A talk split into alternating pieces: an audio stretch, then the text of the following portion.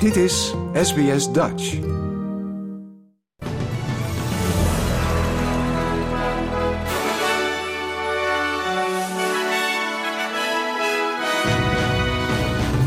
Dit zijn de headlines van het SBS Dutch nieuwsbulletin van woensdag 30 november. Motie van afkeuring tegen Scott Morrison. Duizenden covid-boetes ingetrokken. En ontvoerde Amerikaanse vrouw na 50 jaar weer gevonden.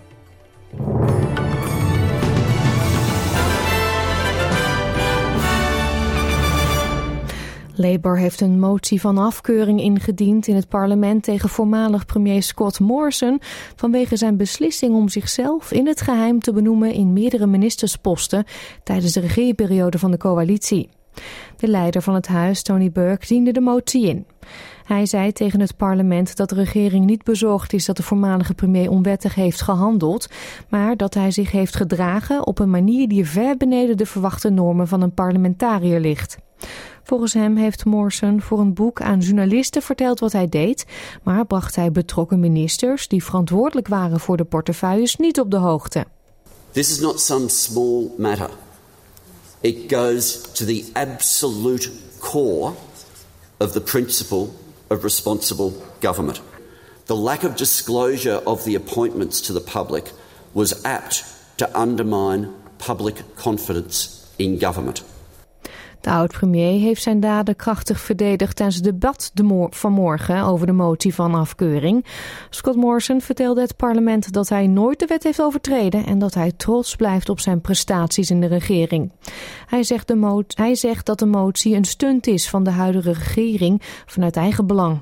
The government's response to censure and prosecute this motion is to engage in the politics of retribution and nothing less. Yeah, yeah, sure. These are the behaviours of an opposition, Mr. Speaker, not a government who understands that grace in victory is a virtue. India heeft groen licht gegeven voor zijn deel van de nieuwe vrijhandelsovereenkomst met Australië. De deal wordt hierdoor aan het begin van het nieuwe jaar van kracht. Het Australische parlement keurde vorige week de Indiase en Britse vrijhandelsovereenkomst al goed. De overeenkomst houdt in dat de belastingen op 90% van de Australische goederen die naar India worden geëxporteerd, zoals vlees, wol, katoen, zeevruchten, noten en avocado's, worden afgeschaft.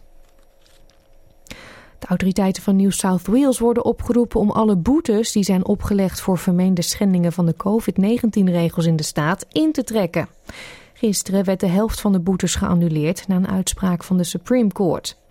Revenue New South Wales moet iets meer dan 33.000 boetes intrekken en of terugbetalen nadat de wettigheid van, de van twee boetes werd aangevochten bij het Hoge Gerechtshof. De Aboriginal Legal Services zegt dat er nog 29.000 boetes staan en vindt dat ook die moeten worden ingetrokken door de deelstaatregering. Volgens CEO Carly Warner is uit een onafhankelijke evaluatie al gebleken dat regeringen de COVID-19-regels handhaafden op een oneerlijke en meedogenloze manier. Vooral achtergestelde gemeenschappen werden hierdoor getroffen. Ze zegt dat aboriginals hun rijbewijs zijn kwijtgeraakt als gevolg van onbetaalbare boetes. Dit had grote gevolgen op hun leven, omdat ze hierdoor niet naar hun werk konden, kinderen naar school konden brengen, boodschappen konden doen of naar gezondheidsafspraken konden gaan. Andrew G. Als, heeft als eerste federaal parlementslid laten weten dat hij voor een Indigenous Voice in het parlement is. Ook de West-Australische tak van de Nationals zegt een voice te zullen steunen. WA Nationals leider Mia Davies zegt dat haar partij op dit punt niet op één, op één lijn ligt met de federale collega's. De rest van de partij zegt officieel tegen de grondwettelijke erkenning van de First Nations te zijn. National Indigenous Officer van de Maritime Union of Australia, Thomas Mayo, zegt dat het standpunt onaanvaardbaar is. It's out of touch with what uh, most Australian people want, and it's certainly out of touch with what Aboriginal and Torres Strait Islander people want. I mean, they they've uh, talking about finding um, you know people that don't understand it, but every Indigenous person certainly wants a, a greater voice in this democracy, and they're just way out of touch.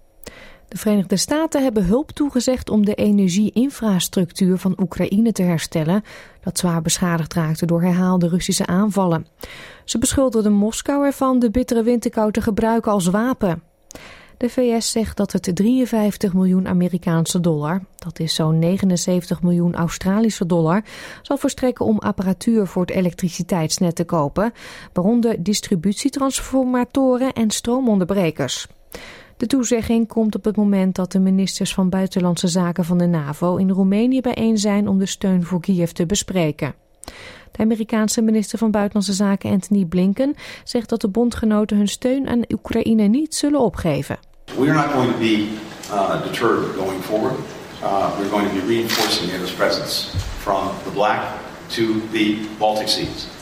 And in that effort, uh, we are working constantly between each other as well as with NATO to effectively inform and reinforce our Black Sea uh, strategy.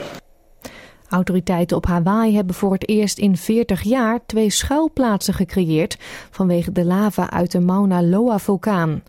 De Emergency Management Agency zegt dat de schuilplaatsen slechts een voorzorgsmaatregel zijn, omdat de autoriteiten niet geloven dat de lava de bevolkte gebieden zal bedreigen.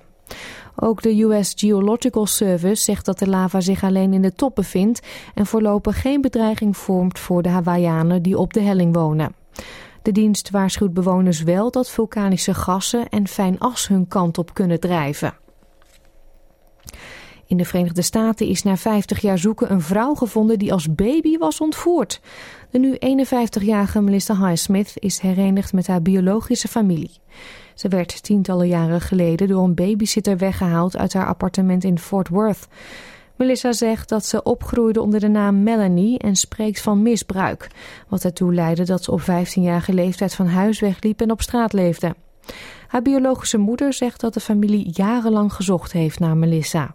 I can't describe my feelings. I'm so happy to see my daughter that I didn't ever think I would see again. I was only 21 years old and I was I was sad a lot. You know, I went through a lot of depression. WK-nieuws dan. In groep A hebben Nederland en Senegal zich geplaatst voor de achtste finales van het WK. Nederland werd door de 2-0 overwinning op Qatar groepswinnaar. Daarover later meer in het programma. Qatar verloor alle drie de groepswedstrijden en eindigde onderaan. Senegal versloeg Ecuador met 2-1 en plaatste zich daarmee voor het eerst sinds de WK in 2002 weer voor de knock-outfase. De wisselkoers dan voor 1 Australische dollar krijgt u 65 eurocent en 1 euro is op dit moment 1,55 dollar waard.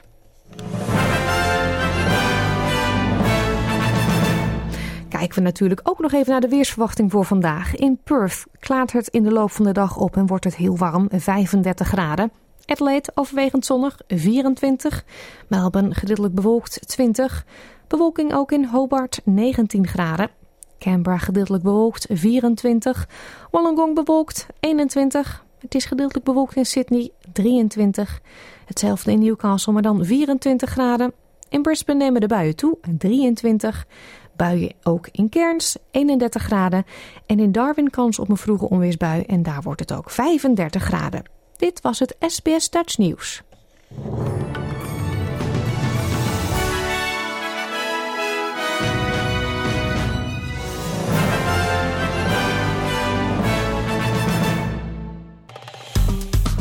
Like, deel, geef je reactie.